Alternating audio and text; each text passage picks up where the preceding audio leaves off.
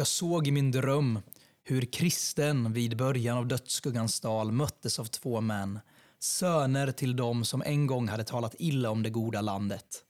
Och de hade bråttom tillbaka. Kristen frågade dem, vad är ni på väg? Och männen svarade, tillbaka, tillbaka och vi råder dig att göra detsamma om du sätter värde på ditt liv och din frid. Varför? Vad står på? Står på? Jo, vi gick den väg du nu går, så långt vi vågade. Ja, så långt att vi nästan inte tog oss tillbaka. Hade vi bara gått lite längre så hade vi inte stått här nu och kunnat berätta det för dig. Men vad har ni råkat ut för? Vi var nästan inne i dödsskuggans dal då vi till all lycka såg oss för och upptäckte faran innan vi stötte på den. Men vad såg ni? Såg? Ja, först själva dalen som är becksvart och där såg vi gastar och skogsjävlar och drakar från avgrunden. I dalen hörde vi också ett oupphörligt tjutande och jämrande som verkade komma från människor i obeskrivligt elände. Fångna i bedrövelser och bojor. Hela dalen är insvept i förtvivlans tröstlösa skyar och döden breder alltid ut sina vingar över den. Med ett ord, den är förfärlig och där råder en oerhörd förvirring. Och kristen svarade. Av det ni har sagt kan jag inte förstå någonting annat än att detta är min väg till det efterlängtade landet.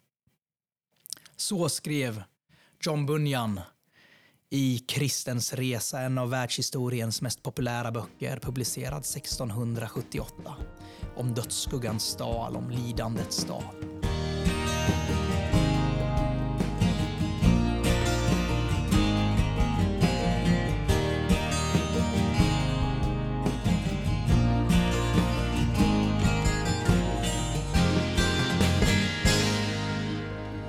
Ni lyssnar på Evangeliet förändrar allt, en podd från Rotad. Jag heter Joel Magnusson och vid micken mitt emot så har vi mannen som har ett väldigt märkligt och osunt intresse för björnar. Han spenderar en stor del av sin vakna tid med att titta på klipp med just björnar. Nima Motalebzadeh. Ja. Varifrån kommer detta björnintresse? Och de flesta är ju rädda för björnar. Eh, Ja, jag, vet, jag tycker de ser så gosiga ut. Jag, jag föreställer mig att jag i eh, Nya Jerusalem eh, kommer få en stor Kodiakbjörn som jag kan gosa och kela med. Eh, Ska vi ta en kort eh, anekdot? ja. När jag studerade teologi så satt, eh, så satt vi i lektionssalen en gång och jag, jag satt och kollade på videos på björnar under lektionstid. Och bra min, spenderad tid på lektion. Ja, jag de flesta lektioner under de sex åren. Strunt samma. I alla fall, vet du så min eh, klasskompis bredvid mig satt och skrev med en annan klasskompis som satt på ett annat studiecenter som vi såg på kameran, för vi kopplade upp. Och då skrev eh, min klasskompis till den här andra klasskompisen att Nima sitter och tittar på björnvideos. Det säger ganska mycket om den här föreläsningen. Och då svarade den andra klasskompisen att det säger också en hel del om Nima. Vet de om, vi ska inte nämna vad du har gått, jag säkert, det vet ju lyssnare. Så det säger ingenting vad du läste. Om lärarna vet om det. Förresten, har du sett eh, filmen Grizzlyman än? Jag har inte gjort det. Nej, du borde göra det. Eh, Han ja. levde ju med grizzlybjörnar i Alaska tror jag. Han blev väl uppkäkad av grizzlybjörnar också. Precis, där spoilar du som ungdomarna säger. Ja, just det. Ja. Jag ber om ursäkt. Eh, tror det eller ej, även idag har vi en personlig fråga till inledningen. Ja. Så eh, min fråga är, vad är den senaste boken du har läst? Färdigläst, inte den du läser nu, utan Mm. Eh, jag läste klart två böcker förra veckan, tror jag. Eh, eh och eh, det är korta böcker, så det är inte inspirerande. Den ena är eh, Agatha Christies eh, och så var de bara en, tror jag den heter. Typ en av hennes kändaste deckare. Jag kände att jag vill läsa en klassisk deckare. Jag brukar inte läsa deckare. Jag har inte för vana att göra det, men nu vill jag göra det. Så, så jag läste eh, den. Den var väldigt spännande. Jag läste ut den på typ fyra sittningar, eller liggningar. För jag läste den när jag... 12 timmar när, när. Ja, men precis. Eh, så så den, den rekommenderas. Eh, och sen så läste jag också ut eh, en bok som jag har hållit på att läsa eh, pinsamt länge faktiskt. Den heter Preparations for Suffering av eh, John Flavel, eh, en av mina favoritpuritaner från 1600-talet. Eh, det passar han- ju till dagens ämne kan det passar dagens ämne väldigt mycket. Det var inte tanken. Inte min tanke i alla fall. Nej. kanske fanns en annan tanke inblandad där. Fanns det antagligen. Nej, men, så den var väldigt bra. Och så har jag läst ett par Tintin-album också i veckan. Inte att förglömma. inte att förglömma. Några Blocket-fynd. Eh, dessvärre inte. Fast jag, jag har satt bud på ett, eh, en kalanka bok på Tradera som jag hoppas jag Bjud ska vinna. över om ni, om hinner ge ut det här innan. Precis. Vad har du själv läst? Joel? Jo, jag brukar aldrig, eller aldrig, jag säger aldrig, men väldigt sällan läsa profana böcker. Men jag har faktiskt läst, jag är inne på den sista boken i Du är så sakral. Ja, sakral. Nej, jag läser inte mycket för övrigt heller, men, men Björnstad, man, man skulle kunna tro att det var, eh, eh, det är ju sån tv-övergång kopplat till vad du sa innan, men Björnstad av Fredrik Backman är jag inne på tredje boken i den trilogin. Väldigt, eh, eh, ja, en bladvändare som man säger. Det går ganska snabbt att läsa, ibland är det gott att få göra det. Den Var det den om- som Barnabas Piper hade rekommenderat? Ja, precis. Man ska läsa allt han rekommenderar. och på tal om böcker, det blir som en ytterligare eh, tv-övergång här. Eh, böcker är ju något vi sysslar med på Rotad. Och imorgon, nu när vi sitter och spelar in, det är ju inte när podden kommer ut, så kommer vi ge ut den här boken och nu visar jag den för vi spelar ju även in eh, filmmässigt. Tid med Gud. 9 november 9 publiceras den. november, precis. Kommer vi ut den boken, så för er som lyssnar på det här kommer ni kunna gå in och köpa den direkt på Den är jättefin. Väldigt har fin, gjort ett jättebra jobb här. Dag för dag genom Bibeln, del 1. Och det är en bok som vi både tror och hoppas kommer bli till stor hjälp för den som vill börja läsa Bibeln mer kontinuerligt. Det är 365 eh, bibelläsningar och den skiljer sig från klassiska andaktsböcker som, som ofta har en inledande bibeltext och sen en förklaring. Här är det snarare så att du läser en text, en bibeltext och så får du några frågor och kanske en kort kommentar och så läser du li- lite ytterligare så ber du och så vidare. Så du själv får hjälpen att läsa Bibeln och förstå den. Och sen är det inte heller utmärkt med liksom torsdag den 15 mars, utan det är bara ett, två, tre. Så du kan börja läsa den vilken dag på året som helst och skulle du missa en dag så är det inte hela världen. Och vi kan säga det att den är så fin eh, också. Eh, och Jakob Grip heter killen som har designat den, har gjort ett väldigt bra jobb. Shoutout. Och ytterligare då en eh, tv-övergång till något som har med böcker att göra. Vi nämnde ju senaste avsnittet, två pastorer har nappat på att ha ett bokbord i sin församling. Väldigt roligt. Eh, är du intresserad, du behöver inte vara pastor för att hänga på detta, men det du behöver betala, det din eh, församling behöver betala är fraktavgiften för böckerna. Ni får med en prislista, ni får med en QR-kod till Swish, så de swishar direkt till Rotad för böckerna. Så de ligger bara i en kyrka eh, och ni behöver liksom bara stå för frakten dit. Skulle inte böckerna bli sålda under några månader så är inte det hela världen, utan vill ni ha kvar böckerna så får ni ha kvar böckerna så länge ni vill eh, tills liksom det säljs i sådana fall. Och, och, och skulle ni vilja skicka tillbaka dem så gör det. Så eh, häng gärna på det. Det är en fantastisk möjlighet för er som församlingar. jättebra system. Och hör av er till mig på joel.magnusson.rota.se. Sen ska jag bara nämna kort innan vi går in på dagens ämne är att ni ska skriva upp Save the Date 8 till 9 mars då vi har utrustad 2024 konferensen och temat för året är hjärtats tårar Trösten i Saltarens klagosånger. Där Christopher Ash kommer den 8 till 9 mars i Göteborg. Lokalen är inte klar än, därför har vi inte gått ut med mer info. Eh, där han kommer gå igenom en rad klagosalmer under de här två dagarna. Det passar också väldigt bra med dagens tema. Pre- Någon som har planerat.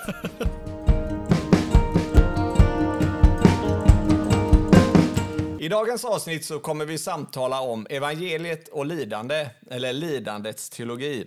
Och det blir det första av två avsnitt eh, åtminstone. Eh, I inledningen, Nima, så läste du från En kristens resa, en, en, en bok vi verkligen kan rekommendera alla att läsa. Absolut. Artos har gett ut den ganska nyligen, läs den med barnen. När skrev Jan Bunyan den här boken sa du? 1678 under sin 12-åriga vistelse i fängelse I England. i England. Och han satt fängslad för... Eh, ja, han var en sån här non-conformist, eller vad det heter, liksom att eh, man vände sig mot, eh, mot statskyrkan och så vidare. Han var ju baptist. Eller ja, baptist-ish får man säga. Det sista han skriver i det här stycket att av det ni har sagt kan jag inte förstå annat än att detta är min väg till det efterlängtade landet, eh, det vill säga till Nya Jerusalem, till den eviga staden som han är på väg mot. För ju tankarna till Apostlagärningarna 14.22 där Paulus och Barnabas styrker lärjungarna i Lystra och Ikonium och Antiochia. Och Lukas, författaren, beskriver hur de, och jag citerar, sa att vi måste gå igenom många lidanden för att komma in i Guds rike. Eh, och första Thessalonikerbrevet 3, 2-3, eh, då, då Paulus skriver till Timoteus att han sändes för att styrka, nej förlåt mig, eh, han skriver till Thessalonikerna om Timoteus, att han sändes för att styrka och uppmuntra dem i tron så att ingen skulle vackla under dessa lidanden. Ni vet själva att vi är bestämda till att utstå sådana. Så måste gå igenom lidanden, bestämda till att utstå lidanden. Eh, det finns någonting här som tycks vara grundläggande och nödvändigt, någonting vi inte kommer bort ifrån i det kristna livet, i den kristna vandringen. Och jag letar efter, medan du läser det så letar jag i huvudet i första eller andra Petrus, första Petrus, var inte förvånade över den eld ni måste gå igenom. Precis, eller liknande precis. står det? Jag har Ja, inte ja, exakt absolut. vers, men det är första Petrusbrevet. Ja, alltså som om det kom något oväntat, Exakt. utan det är som en del av det kristna livet. Och det är, det, som, det är därför vi vill tala om detta idag, just om evangeliet och lidande, för det är en del av att följa Kristus. Mm. Paulus säger att vi delar Kristi lidande och blir lik honom i en död som hans, ungefär så i Filipperbrevet. Ja. Men innan vi liksom går in mer på detta och vi kommer även beröra vår egen erfarenhet av lidande kort, eh, så låt oss förklara vad vi menar med lidande, för det kan ju se väldigt olika ut. Och, och jag skulle vilja välja en annans förklaring av lidande, Elisabeth Elliots eh, definition av lidande. Vissa av er känner säkert till henne. Hon var gift med Jim Elliot, en av de fem missionärerna som dog när han försökte nå Wadani-stammen i Ecuadors djungel. Han led martyrdöden. Han led martyrdöden, ja precis. Så hon vet, och hon förlorade även mannen hon gifte sig med sen, tror jag också. Och de hade, hon och Jim hade bara varit gifta alltså, några veckor eller Ja, månader eller något sånt Ja, där. jag har läst eh, Through the Gates of Splendor, som den heter. Den finns inte på svenska, men jag kommer faktiskt inte ihåg det. Men det var inte, de hade ju en liten pojk, jag Ja, kommer inte ihåg vad. Steven, om han hette så. Så minst nio månader. Ja, det måste det vara. Och eh, det, det intressanta i det, och, och, och vissa av er som lyssnar kanske har sett Spjutets härskare, en film och en bok som finns på svenska.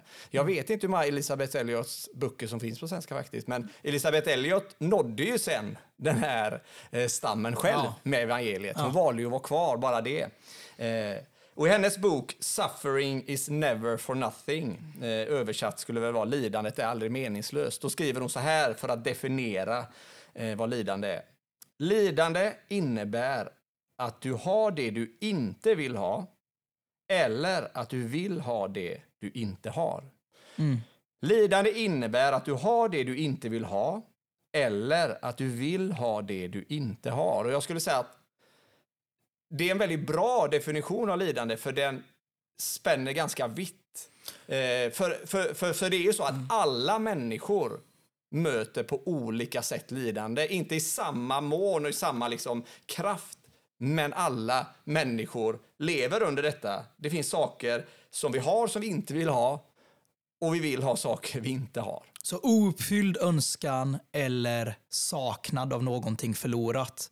Och sen om det gäller fysiskt lidande, emotionellt, psykiskt, eh, ekonomiskt, vad det än är, så inryms det i den här definitionen. Absolut. Och, och, och jag tänker också som Lina Sandell sjunger i, i Blott en dag, att, han, att, att Gud ger åt varje nyfödd dag dess beskärda del av fröjd och smärta, möda, vila och vag. Alltså att varje människa lever i en fallen värld med de följderna. Och det, det är det jag tänker liksom med lidandet i den här definitionen, att vad gör du när livet inte blir som du har tänkt dig?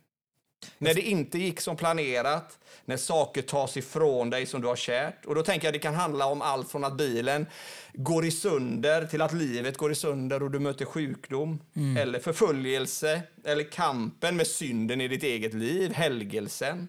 Eh, och allt detta. Du har det du inte vill ha. Hur hanterar du det? Hur reagerar du? Och vad har Gud för tankar med det? Eh, vad tänker du om den eh, definitionen? Har du något som du skulle vilja tillägga där, Nina? Jag tänker att det är en eh, god definition, eh, en god summering verkligen. Och, och någonting som är väldigt lätt att relatera till oavsett vad det är för lidande man brottas med eller har brottats med eller kommer att brottas med. Eh, vi vet ju inte vad våra lyssnare eh, går igenom just nu. Eh, vi pratade om det här precis innan vi började spela in att man kan väl räkna med att man kommer att få lida och vi ser i de här texterna vi läste att som kristen så, så är det oundvikligt. Vi måste gå igenom lidanden för att Mm. komma in i Guds rike. Eh, Och vi kommer ju tala mer om syfte med lidandet eh, och så vidare längre fram.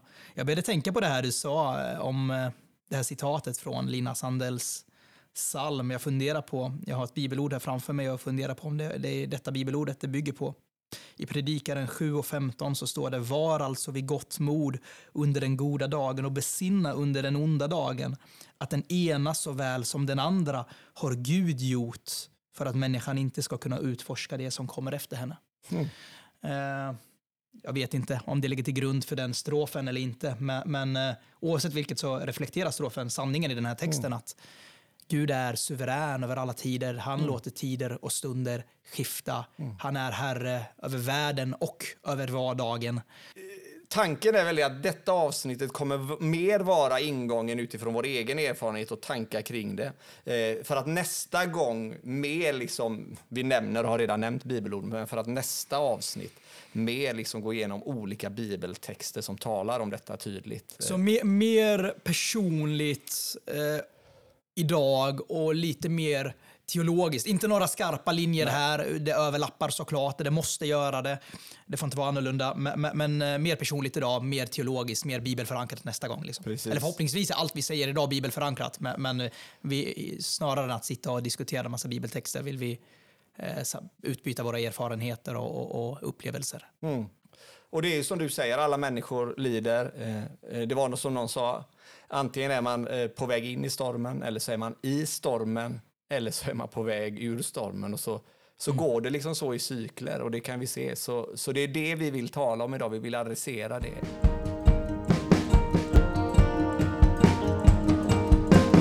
Alla människor lider. Samtidigt så är det så att lidande ser olika ut och vi har ju liksom ingen aning om hur du, den som lyssnar befinner sig i vilken situation och det, det vill vi göra liksom med största eh, kärlek och varsamhet med insikten av att det ser olika ut för olika människor och ibland kan lidandet vara outhärdligt. Och min egen erfarenhet är i alla fall att det är lättare att tala om lidande efter du har gått igenom den och tala om det när du är mitt i det. Eh, och samtidigt så tror ju både du och jag Nima att det vi talar om idag och, de, och det vi kommer tala om även nästa gång, de bibliska sanningarna, de gäller i alla former av lidande vi genomgår. Eh, sen så behöver vi erövra dem och, så be- och, och de behöver få liv i oss. Eh, men, men ibland så tror jag man kan känna en viss tveksamhet kring att tala om dessa saker just därför att vad vet jag? Jag har ju inte blivit förföljd i liksom, Nordkorea. Men, men vi tror ju det att vi, vi bör kunna tala om det eh, oavsett, för de bibliska sanningarna är sanna eh, i vilket lidande vi än genomgår. Och, och min egen erfarenhet eh, är ju att vi bör erövra en biblisk syn på lidande innan vi går in i lidandet. Eh, just därför för att när vi väl befinner oss i stormen, då gäller det att ha en båt som håller så att säga. Och många tänker att jag kan inte tala om det och lära mig det bara för att jag är inte i det. Och jag skulle säga att det är just då du behöver lära dig. För jag har sett att många, mångas tro har lidit skeppsbrott just på grund av att de inte har haft en biblisk syn på lidande och Guds suveränitet. Och så har det kommit med full storm och då har det både tagits deras tro liksom och, och, och förtröstan på Gud. Eh, och, och därför tänker jag, hur har det sett ut i, och vad är din erfarenhet Nima av detta i ditt liv eh, kring lidande och svårigheter? Jag håller helt och hållet med dig. Jag, jag, jag tänker att eh, det är så viktigt eh, att ha en, eh, att i förebyggande syfte och jag tänker, jag tänker särskilt eh, att det är relevant för, för oss som kanske jobbar med förkunnelse, och, och, eller kanske jobbar med förkunnelse, jobbar med förkunnelse och, och själavård, att liksom förebyggande ge en stabil, solid, biblisk grund teologiskt att stå på vad gäller lidande. Eh, det är som du säger också, att det, det är alltid vanskligt att tala om lidande för att på andra sidan, så eh, liksom den här podden, så finns det människor som går igenom saker som jag inte alls kan relatera till. Så, som är, eh, och samtidigt så lever vi i en brusten och fallen värld där, där människor dagligen genomlider fasor i jämförelse med vilka kanske det jag gått igenom inte alls synes vara så smärtsamt. Och samtidigt så tror vi att om, om skriften bara gällde de som går igenom de värsta, värsta fasor vi kan föreställa oss, eh, så, så, så hade det varit väldigt många bibeltexter som hade varit helt irrelevanta för oss. Mm. Eh, Och samtidigt som vi säger så vet ju vi inte. Nej. Vi vet inte, det kan, det kan vänta oss. Verkligen. Vi har inte hela bilden än och Verkligen. därför behöver vi... Eh, Jag, var, jag har själv varit djupt deprimerad. Och jag, och jag väljer det ordet varsamt under flera års tid. Jag väljer det ordet varsamt därför att jag eh, gick aldrig till en läkare och fick diagnosen depression. Eh, men men eh, jag är säker på, och eh, alla i min närhet under de åren eh, kan intyga att jag, jag gick igenom en ganska svår depression under Kanske under en femårsperiod, men det var mest intensivt under tre, tre och ett halvt år. Vad, vad, vad kommer det sig att du inte gick till läkare under den tiden? Det blev inte bara av? Eller Jag så? vet inte. Det, jag, det, var, det var nog inte ett aktivt val. Eh, eh, det var kanske stolthet, jag vet inte, men jag tror inte det. Jag, jag, jag tror att, eh, ja, men som du säger, det blev inte av helt enkelt. Jag, jag, jag, jag, visste orsaken. Det finns olika typer av depression. Eh, för mig var det inte framförallt den här tomheten och meningslösheten och sorgen som uppstår lite ur det blå, utan det var kopplat till eh, specifika relationella eh, situationer i mitt liv. Så jag visste orsaken till det, och vi- vilket kanske eh, gjorde att jag tänkte att jag får bita ihop, jag får ta mig igenom detta Det med Guds nåd. liksom. Det kommer gå över. Eller, eller inte, men jag vet i alla fall orsaken till Mm. det, vilket gör att jag, jag kände inte något eh, jag ska inte säga att jag inte kände något behov av medicinering, men, men, men eh, ja, det blev inte att jag gick till läkare helt enkelt. Eh, Jag träffade någon själavårdare under en tid, men, eh, det hjälpte inte. Eh, Och jag tror faktiskt att vi kan komma in på det mer sen, kanske anledningen till att det inte hjälpte, är för att vi hade så olika teologiska uppfattningar om lidande. Att, Tänkte du det redan i de samtalen? Ja, det gjorde jag. Eh, Jag försökte, jag gjorde mitt bästa för att försöka samla guldkorn från, från de samtalen. En jättefin syster. Men, men, men, eh, det, det, det, var inte hjälpsamt för mig, därför att vi hade helt olika grunduppfattningar om lidandets ursprung, syfte och roll i vårt liv, en nödvändighet. Eh, Så, så eh, djup depression som, som gick hand i hand för mig med en form av dödslängtan. Jag vill vara försiktig där. Jag, jag, jag har aldrig varit självmordsbenägen.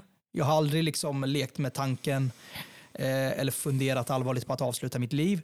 Däremot har det varit väldigt mycket tankar eh, i princip varje gång jag satt bakom ratten. Jag ska inte ljuga, inte varje gång jag satt bakom ratten, men många gånger när jag körde bil och såg en buss eller lastbil eh, så poppade direkt upp i huvudet, tänk om jag skulle bli påkörd. Liksom, För med en längtan, för på- att få slut på det. Precis, för, för att komma till den platsen där det inte finns några tårar.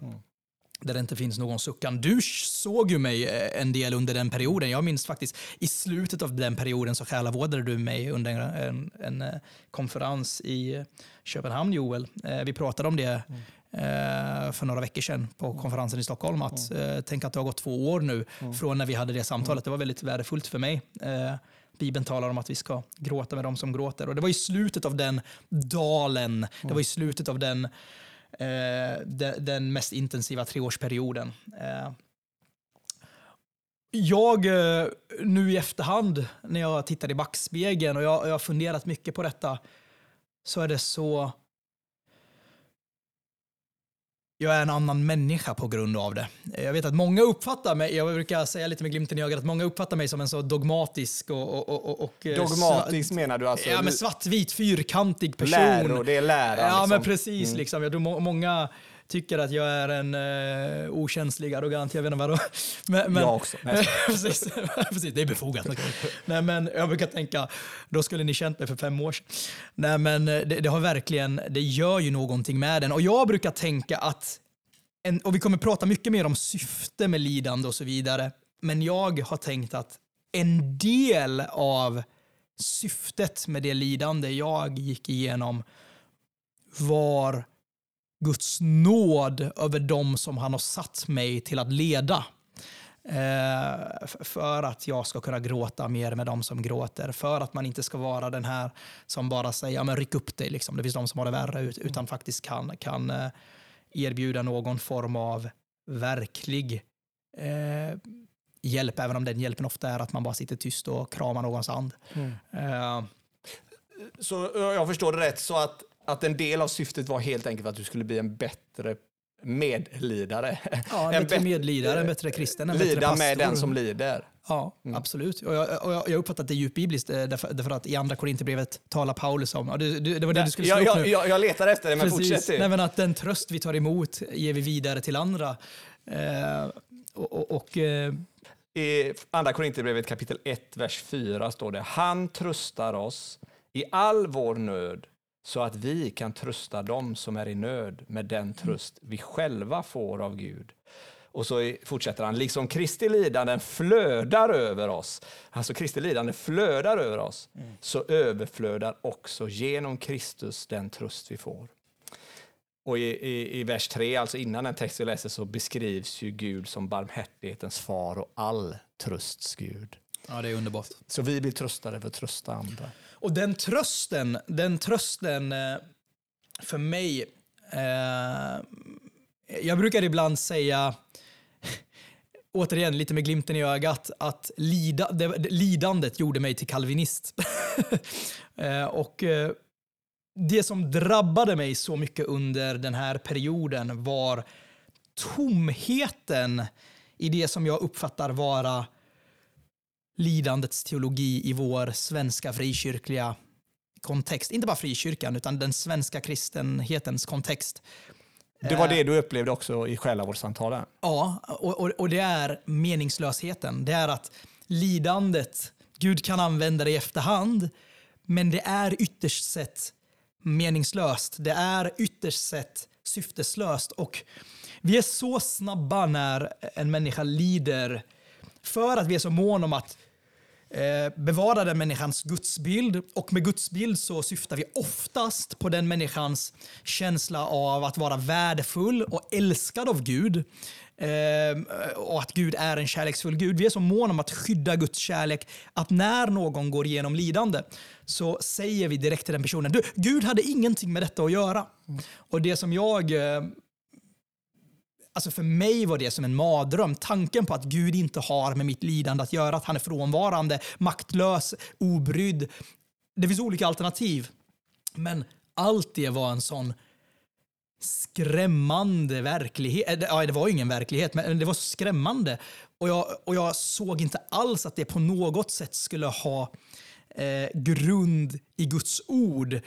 Jag blev övertygad om att om jag är viss om Faderns kärlek till mig, om jag tror att han utgav den han älskar mest, Jesus Kristus, i mitt ställe, att Kristus har hålmärkta händer för evig tid och vi ser hans korsfästa kärlek där på Golgata.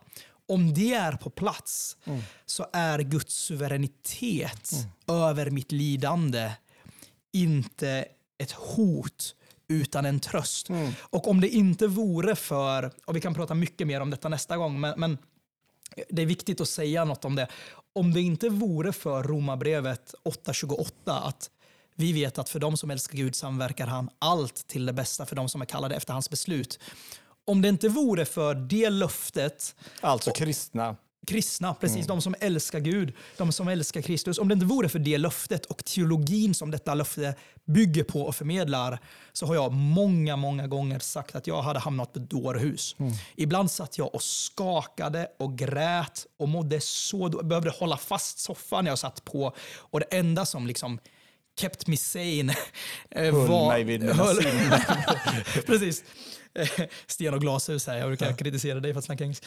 Eh, det enda som fick mig att ha hopp mm. om en ljusare framtid var det här är inte meningslöst. Nej. Eh, detta får mig att tänka Joel på...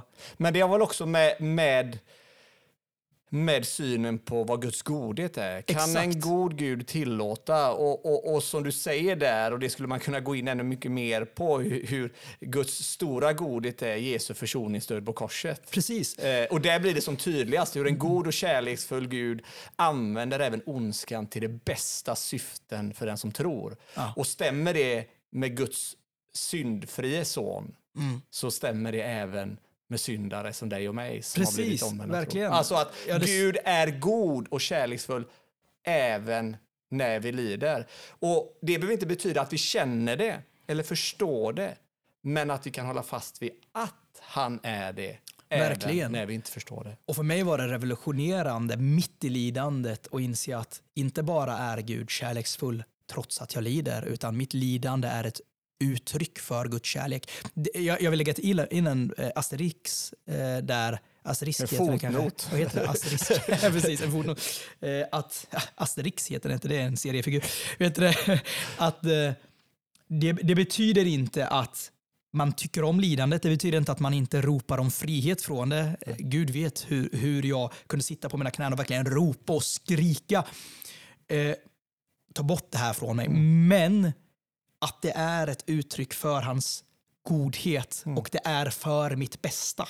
Det är för mitt yttersta bästa att jag... Samverkar alltid Precis. Och i versen efter, i vers 29, eh, definieras det I bästa som att, 8. exakt, att vi formas till Kristi avbild. Detta för mig till eh, Heidelberg katekesens 27 fråga, eh, som för mig blev en sån verklighet under den här perioden. Eh, och, och det som tog mig igenom den här perioden. Frågan lyder, vad förstår du under Guds försyn? Det vill säga, vad är Guds försyn? Och jag älskar det poetiska, vackra, djupt bibliska svaret. Guds allsmäktiga och allnärvarande kraft genom vilken han nu liksom med sin hand uppehåller himmel och jord samt alla skapade ting och således regerar så att löv och gräs, regn och torka, fruktbara och ofruktbara år, mat och dryck, hälsa och sjukdom, rikedom och fattigdom, ja, allting kommer till oss, inte av tillfällighet, utan från hans faderliga hand. Jag tror att det här med faderliga hand är, som sagt, om vi har Guds kärlek på plats, om vi är vissa om att det Bibeln lär om Guds kärlek är sant, då är Guds försyn, Guds suveränitet över de mest smärtsamma händelser vi går igenom, det är inte längre ett hot, utan det blir den enda trösten. Guds försyn är, för att citera Spurgeon, eh, en mjuk kudde att vila huvudet på. Och jag, och jag tror, för att koppla an till lite det du sa tidigare också, att jag tror att den, eh, eller jag, jag har sett det i människor runt mig eh, som lider. Problem, ett problem är ofta att vi tänker att för att Bibeln har den här eh, bilden eh, om Guds försyn och Guds godhet och kärlek mitt i det, så behöver vi tycka att lidandet i sig är glädjefyllt. Och så blir det som en, som en, som en stötesten. För sanningen är, Bibeln säger inte att lidandet i sig är glädjefyllt. Nej. Synd, sjukdom, allt vad ondskan innebär är inte i sig glädjefyllt. Det var inte ens... En, alltså det, var, Men det är ett resultat skap- av syndafallet. Ja, det är resultat. Så det i sig behöver vi inte glädja oss över, utan det det medför. Om vi blir Mm. Och mer syftet bakom, Ja. för de som älskar Gud. Precis. Om det medför att vi blir mer lika Kristus, mer beroende av honom och så vidare och så vidare, bättre på att trösta den som lider och så vidare. Alltså, inte lidandet som sådant, utan vad det medför. Och det tror jag kan vara en hjälp för många att, att liksom, och bara inse det, att, att vi behöver inte tycka wow, sjukdom är underbart, det är det inte. Jag, jag, jag tänker att det, det är ändå, Bibelns bredd och djup är ju fantastisk. Vi har å ena sidan texter som eh, Jesaja kapitel 45.7 då Herren själv, Gud, säger jag danar ljuset och skapar mörkret. Jag ger lycka och skapar olycka. Jag, Herren, gör allt detta. Eller Klagovisorna 3 som säger att han, det vill säga Gud, har lett mig och låtit mig gå i mörker och inte i ljus. Vem talade och det blev så utan att Herren hade befallt det? Kommer inte från den högstes mun både ont och gott? Och samtidigt har Gud gett oss de här bönerna att be när vi går igenom lidande. Som psalm 6 och 7. Jag är trött av mitt suckande. Var natt blir min bädd genomvåt. Jag dränker sängen med tårar. Och hur länge, detta är från psalm 13, 2, 3. Hur länge, Herre, ska du alldeles glömma mig? Hur länge ska du dölja ditt ansikte för mig? Hur länge ska jag oroas i min själ och ängslas i mitt hjärta dagligen? Hur länge ska min fiende triumfera över mig? Och så vidare och så vidare. Var det texter du kom till när du själv... Ja, alltså Saltaren blev för mig, Saltaren för mig innan den här perioden var en bibelbok, så, men 150 psalmer och alla låter ju typ likadant. Liksom. Det är liksom någonting man, slår man upp mitten av bibeln så hamnar man där och det låter allting likadant. Det finns mycket intressantare ställen i bibeln. Men, jag dränkte de här sidorna i, min förra bibel i tårar under den här perioden. Och att få göra Davids böner under hans... Han måste ju ha varit deprimerad stundvis. Kämpat mot tung Mm. Det depression. måste. Alltså, dödens band omgav mig, fördärvets strömmar förskräckte mig. Dödsrikets band omslöt mig. Dödens snaror föll över mig, säger han i psalm 18, Mm. 5 och 6. Alltså, att göra de här bönerna till ens egen. Mm. Men att göra det i ljuset av, inte i skuggan av, men i ljuset av Guds godhet och suveränitet, hans allmakt. Detta är inte en slump, det är inte meningslöst, det är inte syfteslöst, det är inte bara någonting som kommer, det är inte Guds B-plan, det är inte en efterhandskonstruktion att han använder det. Detta kommer från hans faderliga hand till mitt bästa, från hans faderliga händer som utgav sin enfödde son i mitt ställe. Eh, Och där, och där tänker jag liksom att, eh, eller det är min egen erfarenhet också av att Saltaren är ju en sån ja. Tänk att vi har den boken och den är som en, en skattkista som någon uttryckte det för oss kristna som är glömd och gömd i detta att den hjälper oss att sätta ord. Ta psalm 13 som ett exempel som både liksom ropar i övergivenhet och sen landar i hoppet i Gud. Alltså att, att, att Guds suveränitet och försyn och hans godhet även i lidandet, det innebär inte att vi alltid känner det. Vi kan känna rakt motsatt och vi kan till och med säga det till Gud. Varför har du övergivit Precis. mig? Och samtidigt vila i att jag inte är övergiven. Och jag skulle säga att vi bör säga det, vi bör sätta ord på våra känslor och vår övergivenhet. Samtidigt som vi landar i Guds godhet och trofasthet. Att vi kan liksom bara säga det. Jag förstår inte detta. Jag håller inte med dig Gud om att detta är den bästa för mig. Ja. Men jag litar till ändå Ja. att detta samverkar till det bästa. Alltså att, för där tror jag också många, när vi talar om detta och den här synen på det, har tänkt att det, det, det är ett sätt att tysta munnen på oss. Och, och vi ser ju gång på gång i Bibeln att, att Bibelns författare istället kommer till Gud med sin nöd och sin uppgivenhet och samtidigt landar i hans försyn och godhet. Verkligen. Och Jag tänker att det är viktigt där att säga eh, att det är skillnad mellan att klaga inför Gud och att klaga på Gud. Absolut. Där det senare är synd. Ibland hör man människor säga att ja, men du, du, kan, du får skrika på Gud och du får svära på Gud och du får göra vad du vill därför att han kan ta det.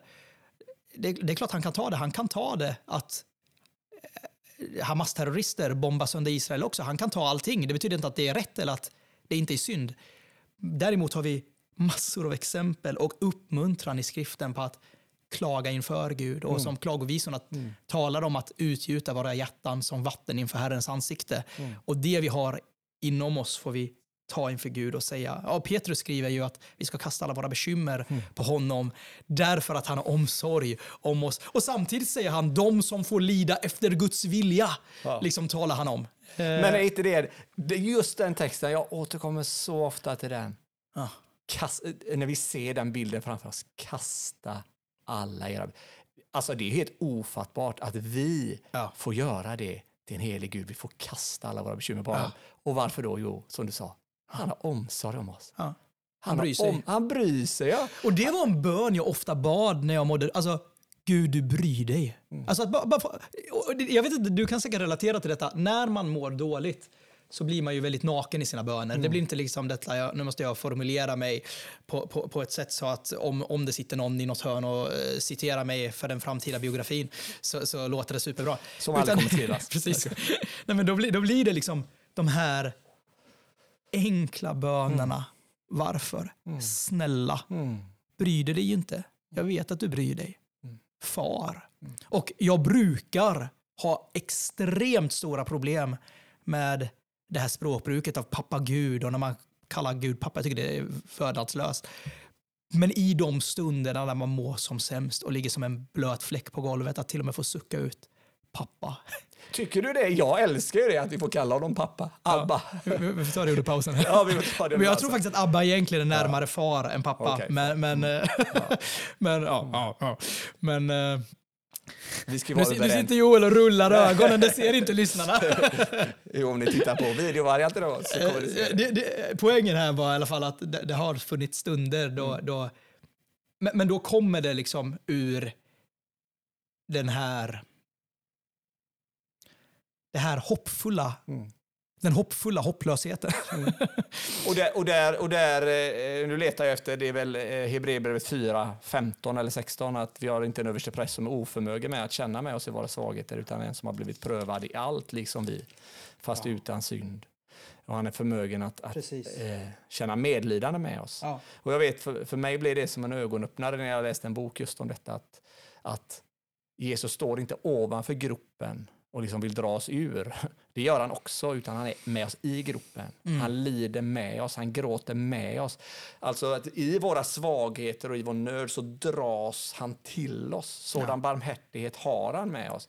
Så att vi liksom inte eller om vi tar det som du citerade i början, psalm, eh, psalm 23, eh, Herren är min herde om dödsskuggans dal. Han, liksom, han, han säger inte gå in i dödsskuggans dal, jag möter dig på andra Nej. sidan, utan han vandrar. Även om vi kanske inte känner det i vår nöd och vårt lidande att han går med oss, så går han före oss genom dödsskuggans dal Ja. och leder oss igenom den. Alltså just den bara vissheten att, han, att vi inte är övergivna.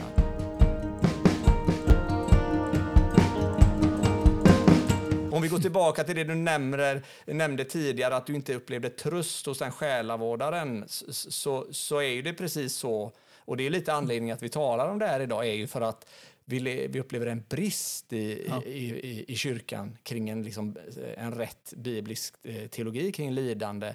Eh, och, att, och att jag upplevt det så många när jag har mött dem i samtal är ju att just för att de har en fel bild av lidanden eh, som är präglad, ska jag säga, mycket av trosförkunnelse, mycket av, Mm. av också av eh, vårt samhälle, bättre, friskare.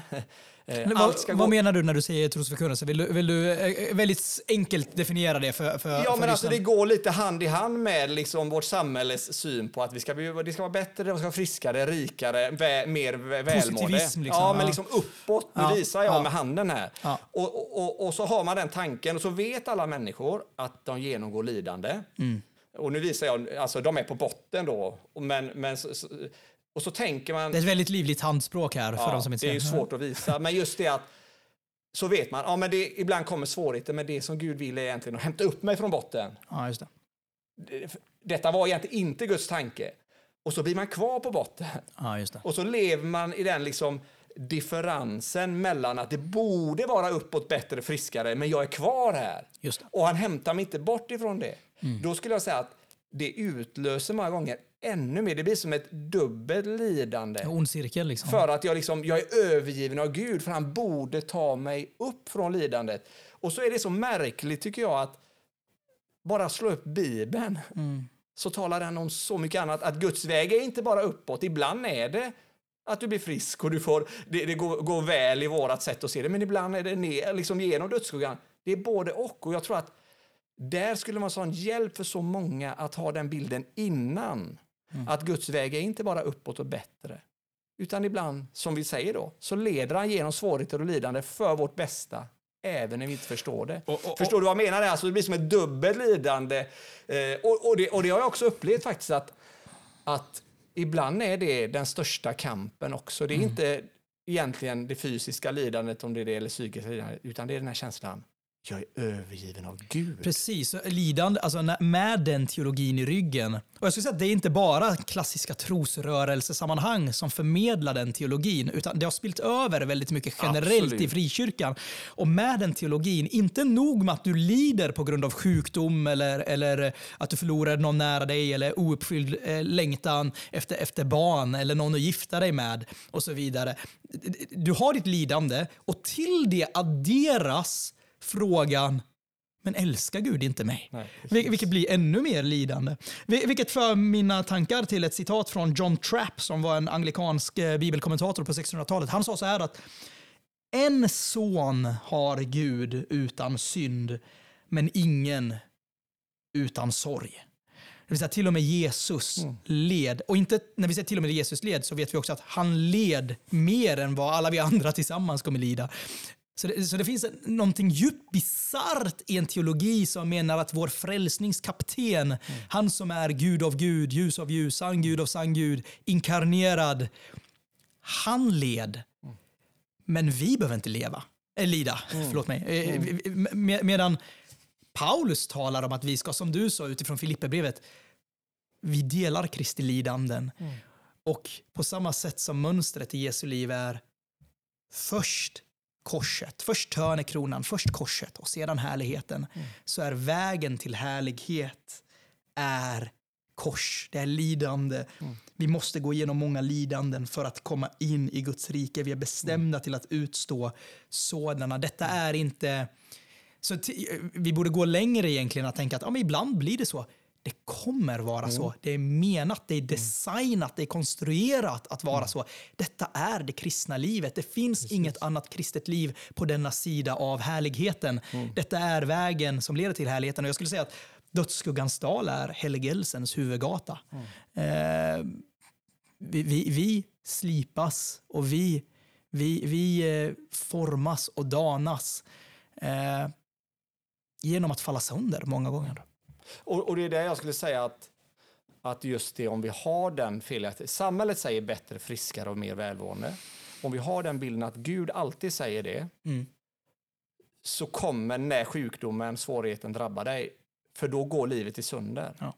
Och gå, då, då, då gäller det att inse att det är min bild av hur du borde vara som går i sönder. Mm. Mm. Men inte Guds bild och Guds syn. Alltså, och det är där jag menar att, att många lider också dubbelt, för de, de kopplar det samman. För Gud sa ju inget lidande svårigheter. Och Precis. detta kan inte vara en del av Guds plan. Och då blir det liksom dubbelt lidande för att det är inte bara mitt liv som går i sönder, utan också, och egentligen som du säger, eh, som Stephen Curtis Chapman har en oerhört eh, jag kommer, målande beskrivning, att, att det känns som att vårt liv faller isär, men egentligen så faller vi på plats. Liksom. Ja. Att lidandet har den effekten, det känns som att ja, mitt eget liv går i kras, det gör det oftast, för bokstavligen. Men då, och, och vi känner, men, men, men, min Gud och min tro går i kras. Men har vi en rätt bild av lidande och vem Gud är så faller det snarare på plats. Som du Precis. säger med helgelsens huvudgata. En tanke jag får när, när du talar om detta är kan vi inte, när, vi, när vi pratade om, i våra första avsnitt när vi talade om evangeliet och Kristi ställföreträdande strafflidande så talar vi väldigt mycket i, eh, om inte i termer i, eh, i termer av, så, så, så pratar vi ändå om att liksom de som har svårt med den läran och att Gud straffar synd, alltså läran om eh, Kristi försoningsstöd eller helvetets verklighet och så vidare. Det är liksom som att läran om Guds kärlek har trängt bort läran om Guds helighet och rättfärdighet. Man har tagit en sanning och gjort det till hela sanningen på bekostnad av andra sanningar. Så det, det när det kommer till synd. När det kommer till smärta, när det kommer till lidande, så är det som att man har tagit läran om Guds kärlek eller godhet och gjort det till hela sanningen på bekostnad av läran om Guds suveränitet och allmakt. Så det är samma problem här. Det är bara det att det är ett annat av Guds attribut, ett av de attribut som är mest centralt i skriften som har tryckts undan till förmån av Guds kärlek, vilket gör att när vi går igenom lidande och det inte liksom, och vi har en bild av att Gud är kärlek och hans kärlek betyder med nödvändighet att inget hemskt kan drabba mig. På samma sätt som i fråga om evangeliet betyder hans kärlek att han aldrig kan straffa synd, därför att Gud kan inte vara arg. Eh, så rubbas hela vår gudsbild. Vilket många gånger, som du var inne på, leder till att man lider skeppsbrott i tron. Därför att det finns ingen kristen nog kvar. Det finns ingen kristen Gud kvar. Medan i Bibeln ser vi både Guds hjärta i lidandet och hans hand över lidandet. Eh, och det är så grundläggande. Det, det är ju helt omöjligt i ett sånt här poddavsnitt, även om vi har två poddavsnitt, att liksom förmedla detta eh, i, i en kontext som är så marinerad i motsatsen. Men jag tror verkligen att det är revolutionerande för ett helgon att få tag i läran om Guds allomfattande försyn i kombination med hans faderliga tröstande hjärta. Eh, och, och faktum är ju Joel att, att eh, det här är inte bara en fråga om vad, eller bara, detta är vad skriften lär och det är någonting kyrkan har erkänt i alla tider. Även i svensk kristenhet så räcker det att gå tillbaka några decennier eller ett par hundra år. Du skickade till mig under eh, tiden som jag mådde väldigt dåligt en jättefin version av eh, Hur underlig är du av eh, Emil Gustafsson. Emil Gustafsson. Den texten handlar ju om saktmod under lidande som kommer ur Guds faderliga hand till vårt bästa. Hur underlig är du i allt vad du gör? Vem kan dina vägar förstå? Men ett är då säkert, Den väg du mig för, för mig är den bästa ändå. ja. Eh, det är Ja, själavårdande. alltså det räcker ju att slå upp psalmer och sånger eller segertoner för att Ja. se att liksom, eh, och, och där tror jag också, där, där har vårt samhälle präglat oss så mycket. Alltså att vi lever ju liksom i ett väldigt litet fönster i historien där vi har det oerhört bra. Och då har vi raderat ut all, all, allt motstånd. Vi ska inte ha någon motstånd, vi ska inte ha någon sjuk. Och så kan vi bara gå tillbaka, eh, kanske inte 50 år, men mer då. De flesta människorna liksom, de levde under svåra förhållanden. Och där har vi också fått sångskatt där, därifrån. Liksom. Ja. Och, och, det, och det är som, som du säger där, då är vi lite inne på syftet med lidandet. Eh, som, och, återigen, Elisabeth Elliot säger det, att det är de svåraste tiderna som jag har lärt mig de viktigaste läxorna. Ja. Och jag tror att både du och jag kan stämma in i det och, och, och, och, och de som lyssnar kan också känna igen sig i det. Alltså, för det är ju när svårigheter kommer som det visar sig vad vi förtröstar på. Ja. Och, och där är också Guds godhet i att han för oss in i svårigheter för att visa om vi förtröstar no på någonting som inte är han. För det vi tänker är ju då att att det skulle vara, eh, inte Guds godhet, utan eh, för att han ger, ger oss svårigheter, utan det, det är ju Guds godhet att han ger oss svårigheter för att Mim eller Joel eller den som lyssnar får syn på jag, jag är ute i en farkost som inte håller på stormigt hav, om vi använder det uttrycket. Ja. Jag står på en grund som inte håller. Då är det oerhört kärleksfullt att Gud för oss till svårigheter för att se du förtröstar på fel saker. Ja. Ställ dig på urberget. Ja. Stå inte på liksom en, en, en luftmadrass ute i stormen, utan ställ dig på urberget Precis. som håller när vågorna... Och bara där inser vi, det är ju, han vore oerhört kärlekslös om han lät oss stå på luftmadrassen och fortsätta göra det. För när stormen kommer, då, han vill ju att vi ska stå på...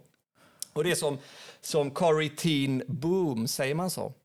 Eh, hon, hon, hon var ju, levde under andra världskriget och, och hjälpte många judar och hamnade själv i ett kvinnoläger där hennes syster dog. Men jag är inte säker, hon är i Holland. Men hon säger så här, du kommer, du kommer kanske aldrig förstå att Jesus är allt du behöver förrän Jesus är allt du har. Mm. Du kommer, inte, kommer aldrig förstå att Jesus är allt du behöver förrän Jesus är allt du har. Och det är, det är ju så. Det är det som är följden av lidande. Jag läste faktiskt ett citat, nu när du nämner henne så tog jag snabbt på min telefon, för jag, jag minns att jag kopierade här om dagen ett citat av henne som delades på Twitter, där hon säger, jag ska inte läsa hela citatet, men hon säger, ofta har jag hört människor säga, hur god är Gud? Vi bad att det inte skulle regna under vår eh, kyrkopicknick och kolla på det underbara vädret. Ja, Gud är god när han sänder gott väder. Men Gud var också god när han tillät min syster Betsy svälta ihjäl inför mina ögon i det tyska koncentrationslägret. Jag måste läsa klart detta. Och jag minns, jag översätter detta eh, medan jag läser det så det kanske inte blir så bra. Jag minns vid ett tillfälle när jag var jättemissmodig där. Allting var så mörkt runt omkring oss och mörkret fanns där i mitt hjärta. Och jag minns att jag sa till Betsy att jag trodde att Gud hade övergett oss. Men Betsy svarade nej, Corrie. Han har inte glömt oss. Kom ihåg hans ord. För så hög som himlen är över jorden, så stor är hans trofasta kärlek gentemot dem som fruktar honom. Det finns en ocean av Guds kärlek tillgänglig. Det finns mycket av det för alla.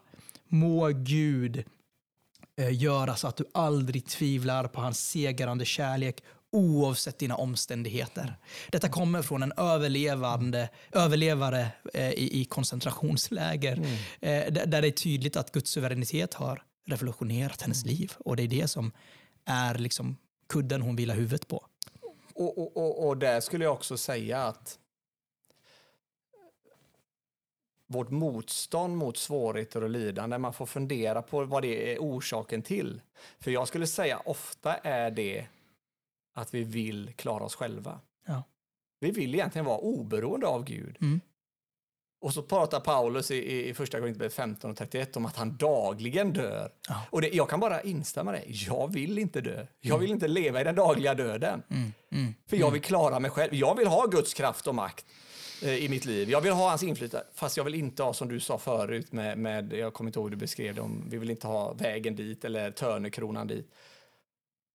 Och så är det Bibelns tydliga, det är det som är vägen för Ja, oss. ja. Kraften fullkomnas i svagheten. Och jag vet, för mig blev det en sån ögonöppnare, att som att, ja men, då ska Gud och jag vara starka tillsammans.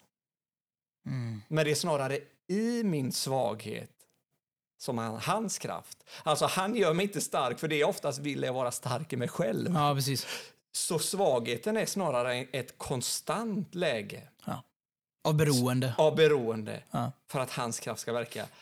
Och jag, jag inser hur mycket mer jag har tänkt att det jag vill är, och det jag ber om ibland är att Gud gör mig oberoende. Alltså jag säger ju inte det, men det är min intention. Ta bort det så jag slipper vara beroende. Ja. Och så, säger, så, så, så tänker jag att han svarar Paulus där. Du är svag hela tiden, för det är då du känner kraften. Det är då du blir beroendet.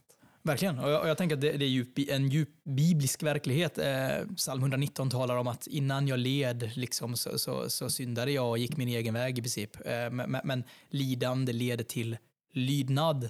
Och, och vi, vi, vi kommer nog tala mer om detta nästa gång, eh, misstänker jag, om, om frukter som skapas i våra liv genom lidande.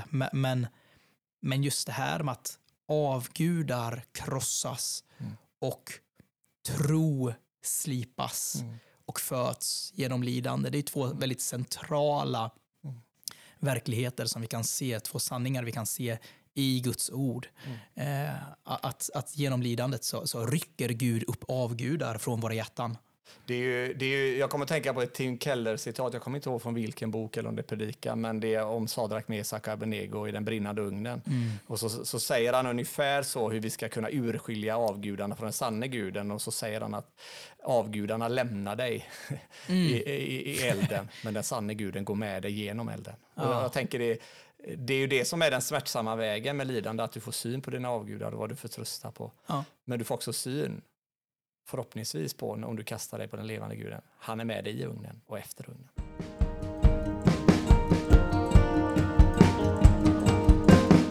Det finns ju mycket vi kan säga om eh, goda dygder och helgelse som formas och slipas fram i våra liv, som vaskas fram i våra liv eh, genom lidande.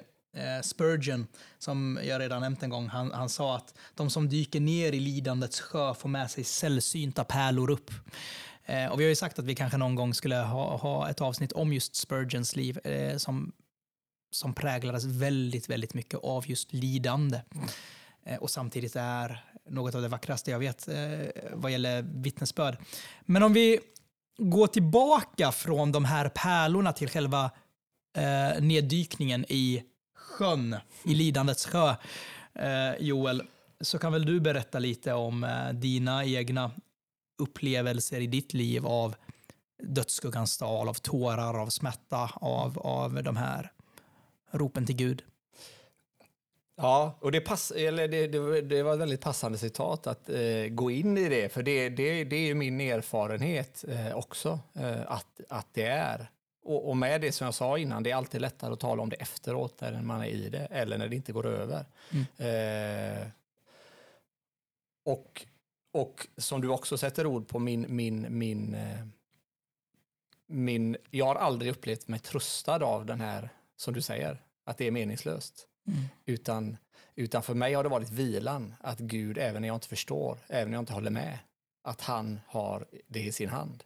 Eh, och man, skulle kunna stanna upp vid, vid några saker, men, men en, en väldigt eh, smärtsam tid i min tjänst som pastor till exempel. Eh, Jag hade bokstavligen gått under om det som, det som hände med mig. Eh, jag, det kanske är överord att säga det, att det är bokstavligen, men, men om jag inte hade haft synen innan att även detta är under Guds tillåtelse. Och även detta använder Gud för att helga mig, var en sån erfarenhet jag hade. Detta För det- kommer från Guds faderliga hand. Ja, alltså att jag insåg att det var, det var felaktiga, felaktiga saker som hände och som sades om mig till exempel. Men om jag inte hade haft den insikten att även detta tillåter Gud, så hade jag liksom gått under i det. Eh, och också att jag inte behövde försvara mig. Alltså, eh, eh, det viktiga är att jag har rent mjöl i påsen, så att säga. Jag står inför Gud och jag får göra så jag behöver inte liksom strida min strid, utan jag får lita till att Gud gör Mm. det han gör mitt i detta eh, som jag inte förstår. Och det jag kunde se, där det inte fanns några utvägar, så öppnar Gud utvägar. Mm. Eh, det, var, det var en helt omöjlig situation där vi inte såg någon lösning. Ja. Och så helt plötsligt så hörs en, hör en vän av sig och, och, och så får vi möjligheten att ta emot vår yngsta dotter och så helt plötsligt så Wow. fanns en väg. Liksom. Eh, Och då kom vi ur eh, den. Så, som, är, eh, får man säga, alltså som är adopterad då? Nej, det är vår yngsta som är Ja, familjens Precis. placerad Ja, hos oss.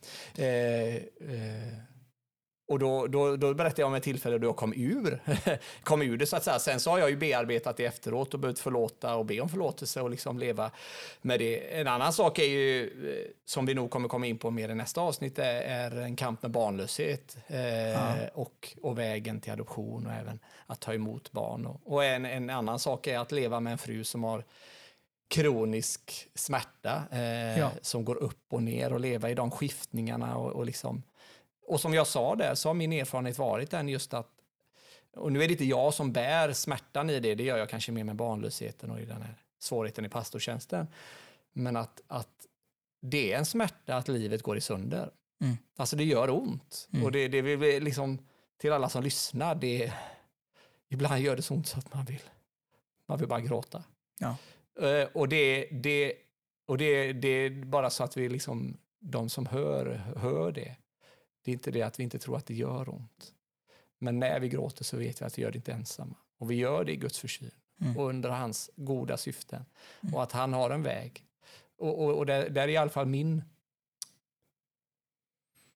Som du också var inne på, det är lite intressant att jag kan ju se det i backspegeln, jag kan inte alltid se det under stunden. Då vet jag det mer än att jag känner det. Ja. Men att Gud har gjort det för, för, för min helgelse. Jag hade varit mer odräglig och mindre ödmjuk. Och, och det tror jag också faktiskt att Gud har olika vägar för oss. Jag, jag, hade, jag har nog mer stolthet och mer högmod säga, som Gud behöver ödmjuka mig. Och där, så har det varit för mig i alla fall. Där har Gud använt svårigheter för att... Eh, och, så, och det är intressant som du också säger, jag, det har gjort mig mycket bättre på att, på att känna med den som har det svårt och Det, tufft. och det är intressant, eh, när jag lyssnar på det, det är intressant att se att när vi tittar tillbaka på lidanden som vi har kommit kanske ut ur, eh, att se vilka specifika... John Piper säger att, att Gud gör alltid 10 000 saker i ditt liv och du är kanske medveten om tre av dem. Och, och Det är intressant när man tittar i backspegeln och ser, okej, vilka specifika synder ville Gud eh, hantera under den perioden. Och vilka specifika dygder, vilka specifika relationer, vilka specifika situationer. Var, hur, var Guds, hur var Gud verksam då? Hur var han aktiv? Därför att det, som du säger, det är väldigt svårt att se. Och jag tror att det också är oklokt att för mycket försöka tyda liksom vad som händer runt omkring en när man är i det. Eh, när, när båten gungar så, så, så, så är det, det är vad det är. Liksom. Eh, det är inte alltid tid för reflektion då, utan det är tid för att ropa Och eh, att till Gud. bara landa i det att, att även detta har Gud i sin hand. Precis. Och inte utrannsaka som du säger. Precis. Eh, jag tänker när du talar om eh, tårar på, nu minns jag faktiskt inte eh, vilken psalm det är jag tänker på, men David ber vid ett tillfälle samla mina tårar i din skål Mm. Och räkna mina flyktdagar eller då ha koll på mina flyktdagar. Det är som, jag brukar tänka framför mig liksom att, eh, eller se framför mig att Gud gör de här strecken, fyra streck och sen ett streck eh, rakt över Ja. liksom. Och sen så fortsätter han. Och jag tänker att Gud kommer en dag överkompensera alla sina barn. För, för jag, jag vet inte exakt hur många dagar om, vi ser, om jag fokuserar på just den här perioden som var som värst för mig. Jag vet inte exakt hur många dagar det höll på. Men Gud vet hur många sekunder det var. En dag kommer han överkompensera mig. Och, och de enda tårar som kommer vara kvar är tårar av glädje och tacksamhet. Eh, Och precis, och det är ju så. en sak jag inte nämnde, men bara kan nämna kort, var ju min pappa. Eh, han dog för ja, några år sedan nu, efter Ja. två års sjukdom med cancer. Först åkte han in och nästan var på väg att mista livet och överlevde, men sen så levde han med cancer i två år och sen dog han. Och för mig så var det 69 år var han när han dog. Mm. Och, och jag kan säga, jag, jag skrek när, för jag var med när han dog. Jag skrek rakt ut. Mm. Och samtidigt så visste jag i min i, i sorgen och liksom i kampen så visste jag ju som du säger det, den verklighet min pappa gick till. Han vill inte tillbaka. Alltså, och, och så är det för oss alla i evighetsperspektivet. Ingen kommer stå ansikte mot ansikte med, med vår Herre och Frälsare och säga det var förgäves. Precis. Det var inte värt det. Som du säger, han överkompenserar på ett sätt som... Det blir nästan futtigt så här, för vi kan inte fatta det, vad vi kommer känna. Alltså, och det är det som, om vi går till Emil, Emil Gustafssons sång Hur underlig är du? Alltså, som där hela sången slutar. När vi Ja. står inför honom då, liksom. Ja. Då. Och, och, och, det får vi, och vi kommer tala mer om det när vi går igenom här bibeltexterna, men, men i evighetsperspektivet. Och jag tror att det är så viktigt att du lyfter det, därför att jag, jag, tror, och jag tror att det går hand i hand med det här som vi har talat om, med, med hur man den, den teologiska, liksom, det teologiska synsättet i, i de sammanhang som finns i Sverige. Att man kan tänka att jo, men det går inte att bara tänka evighetsperspektiv. evighets... Det är så simplistiskt. Liksom. Eh, vi är här och nu och vi måste tillåtas vara det och, och så vidare. Och det är sant. Men det verkar ligga någonting djupt apostoliskt, någonting djupt bibliskt i att hela tiden komma tillbaka till ett evighetsperspektiv. Paulus talar hela tiden om den kommande härligheten när han talar om lidande. Han säger i andra Korintierbrevet att, att eh, det, det, det, den nöd som ni lider, liksom, det, er nöd som, som väger lätt, den producerar en härlighet som väger tungt. En ö- väldig och överväldigande härlighet som väger tungt och vara för evigt. Precis. Eh, och, och- och just den här påminnelsen är så trösterik om att jag är i en berättelse just nu och det ligger det bästa ligger framför. Precis. Det bästa ligger alltid framför för den som är kristen. Och, och, och, och, här är det viktigt att säga att det är viktigt att betona att det är, för den som, det är den som är kristen, det är den som älskar Gud som allting samverkar till det bästa för. Det här är inte en tröst som vi har mandat att erbjuda vem som helst, utan till dem som, har tvättats i Kristi blod. Mm. Och där kan jag rekommendera just när du nämner det, två skivor eh, skriv, skrivna eller gjorda av Stephen Curtis Chapman. Just Eh, den, de heter Glorious Unfolding och den eh, skivan innan jag kommit, nu tappar jag namnet. Ja, Beauty Will Rise tror jag de heter. Just det. Eh, han skrev ju dem efter att hans femåriga dotter hade blivit eh, påkörd av sin son. Alltså så Ja. olycklig som det bara kan bli.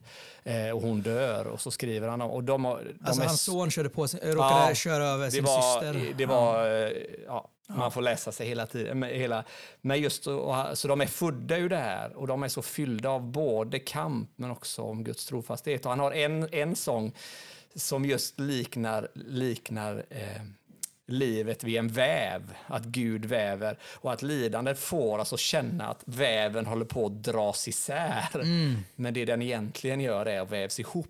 Och så slutar den med just det, om vi tar evighetsperspektivet. Han kommer inte lämna en enda tråd ovävd. Mm. Mm. Alltså, det ser vi. Och, och, och- och då skulle jag säga bara också att det innebär inte bara en tröst i framtiden, utan det är en tröst redan nu. Ja. För redan här och nu så äger vi i Kristus överflödande kärlek, godhet, nåd, barmhärtighet. Det förändras aldrig. Lidande och livet förändras, våra känslor förändras. Och, och, och vi bör, som vi säger, sätta, men den verkligheten den förändras inte. Mm. Alltså, och det får oss att, att vi får det fullt ut i evigheten, men vi har det redan här och nu. Och påminna sig om det. Och det är väl det som vi talar om med avgudarna, att det är en påminnelse om vad har jag min tillfredsställelse, vad har jag min förtröstan? Har jag det i honom som är oföränderlig, i hans nåd och kärlek och godhet som är oföränderlig? Men jag är alltid hos dig, du håller mig i min Ah. högra hand. Du leder mig med ditt råd och tar sedan emot mig med ära. Vem har jag i himlen utom dig? Och har jag dig söker jag inget på jorden. Min kropp och mitt hjärta ger upp. Men Gud är mitt hjärtas klippa och min lott för evigt. Psalm 73. Ja, Den, ja, den, den, Det- den får vi nästan kanske stanna upp inför nästa gång, för den vändningen i den salmen Ja, där han det börjar. är något att bygga där. sitt liv på. Ja. Och jag tänker också när vi talar om det här med evighetsperspektiv att jag säger hela tiden det här får vi prata mer om, det här får vi prata mer om. Men, men, men, men det är svårt att hålla sig borta från att jag tror verkligen att ett av syften, om vi ska tala om lidandets syfte, ett av Guds syften med våra lidanden är att vi inte ska bli så hemmastadda på den här jorden. Lidandet är en påminnelse om att vi är pilgrimer, liksom pilgrimsresa, kristens resa. Vi är på vandringsfärd. Vi är utomjordingar. Det här är inte vårt hem. Och lidandet påminner, påminner oss om få, alltså att det är få, vad heter det, det, det är eh, vad säger predika, eh, predikaren? Det, det är Förgängligt. Förgängligt, precis. Fåfängligt, jag säga. Det är förgängligt. Det, det, är, det här är bräckligt. Det här försvinner. Det är bara en skugga. Vi lever för en annan värld. Och i den världen finns inga tårar, det finns ingen smärta, det finns ingen synd. Eh, och det är dit vi är på väg. Och lidandet producerar en framtida härlighet på den platsen.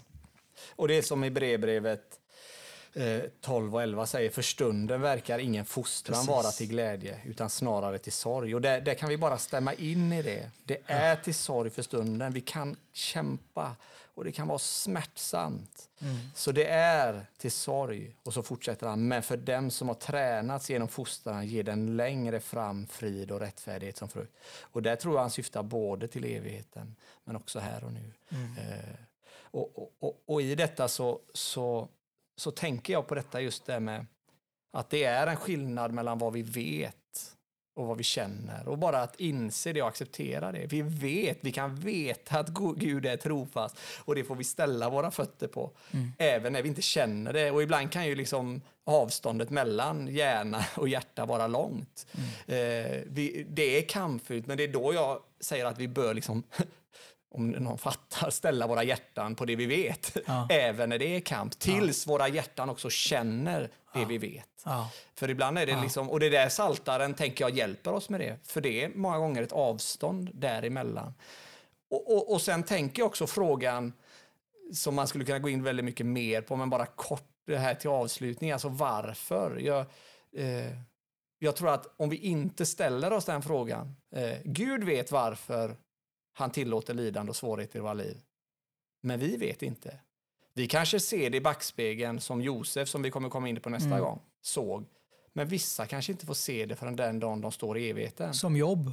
Som Vi jobb. vet varför han led. Tänk att, Han vet jag jag tänker ofta på jobb att, att hela världen vet varför han led och inte bara liksom var det en prövning i hans liv utan Gud visste att det här kommer bli helig skrift. Mm. Det här är mitt ord till alla mina barn, till mitt förbundsfolk i alla tider. Jobb hade ingen aning och till och med i slutet när lidandet är över och Gud välsignar honom. Och vi vet allt som har hänt bakom kulisserna. Jobb fick aldrig veta varför han var tvungen att gå igenom alla de sakerna. En dag kommer han få veta det. Han, kanske, han är i härlighet så han kanske redan vet vad vet jag. Men, men, men, men han fick inte dess- veta det då. Till dess alla varför fått svar. Till dess alla varför fått svar. Och det är där jag Precis. tror att när vi talar om detta så måste vi också liksom trycka på det. Att Gud vet innebär inte att du vet. Mm. Och att, att dessa sanningar om Guds suveränitet och allmakt innebär inte att du förstår exakt vad han gör eller hur han gör och vilka syften. Och det måste man släppa när man, när man är mitt i kampen och svårigheterna. För ofta är det det som blir en ytterligare kamp. Om jag tror på detta, då måste jag ju förstå. Nej, du behöver inte förstå. Det du behöver förstå är att Gud är god och trofast mitt i det. Hålla fast vid det. Vi citerade precis Emil Gustafssons Så bidar jag tålig och nöjd med min del till dess alla varför får svar. Och en annan favorit som är väldigt närliggande är William Cowper, 1700-talspoeten, som skriver i sin kanske mest kända hymn om Guds mystiska vägar. O människa, klandra icke Gud, då dagen mörk sig ter.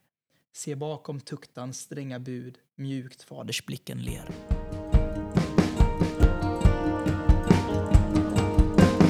Johnny Eriksson Tada, eller Joni som hon nog mer är känd i Sverige, eh, är ju en, en kvinna som har skrivit mycket om lidande. Hon kan jag rekommendera. Det finns några böcker på svenska. Men, Mm. men hon, hon säger ju det. Hon är ju sängliggande. Hon är ju, eh, och sitter i rullstol och är förlamad från huvudet och ner tror jag. Ja, Ja. Och haft cancer. Och, ja, En dykolycka. Ja, och hon, kan, kan ni lyssna på engelska så lyssna på henne. Hon har en podd och, och läs henne för hon är trösterik. Men hon säger vid ett tillfälle eh, vem är egentligen handikappad? Den som vaknar på morgonen och springer ut och ägnar inte en tanke åt, åt Gud och ber till honom. Eller jag som vaknar varje morgon och ber Gud. Jag klarar mig inte en sekund. Mm. Och ber sin assistent, du måste be för mig. Vem är egentligen handikappad? Är det jag eller är det den som springer ut? Jag tänker att vi ska avsluta med att be. Ja, himmelske Fader, vi, vi ber för det vi har delat i det här avsnittet. De sanningarna som, som, som pekar på dig och vem du är, om din trofasthet, din godhet, din nåd och din kärlek, Herre, som är oföränderliga. Allt vi äger hos dig, Herre. Mm. Tack himmelske Fader för att det är oföränderligt. Det är outtömligt, Herre. När våra liv är precis tvärtom, de är förgängliga och förändliga, Herre. Och jag ber dig för den som lyssnar, att den människas ögon skulle öppnas så att den såg tydligare bild om din godhet och din nåd och din suveränitet. Hur du har goda syften, Herre. Ja. I allt vad du gör, Herre. Hur allt samverkar till det bästa för den som älskar Gud. Jag ber dig särskilt för den människa som just nu känner att den vill ge upp, som kämpar. Jag ber dig Gud, trösta den. Öppna dens ögon så den ser att du är med mitt i stormen, mitt i svårigheterna. Du lider med den människa, du gråter tårarna med den och du leder den människa genom dessa stormar och det mörker, Herre. Ja. Och jag ber dig Gud att du skulle sända människor också som kunde vandra med den brodern eller systern, Herre, som kunde göra som Jobs vänner, som kan lyssna och som kan bära bördorna tillsammans och som kan be tillsammans med den, Herre. Tack för att, att de här sanningarna inte skrivs över vår smärta och vår sorg, utan det skrivs som en, ett urberg under Mm. som står fast genom alla stormar. Och jag ber dig att det skulle bli verklighet för alla våra lyssnare, Herre. Hur du är urberget som håller i allt. Ja. I Jesu namn. Amen.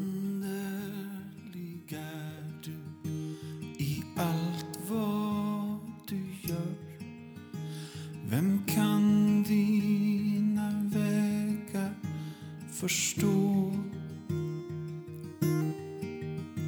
Men ett är dock säkert, den väg du mig för, för mig är den bästa ändå. Här nere,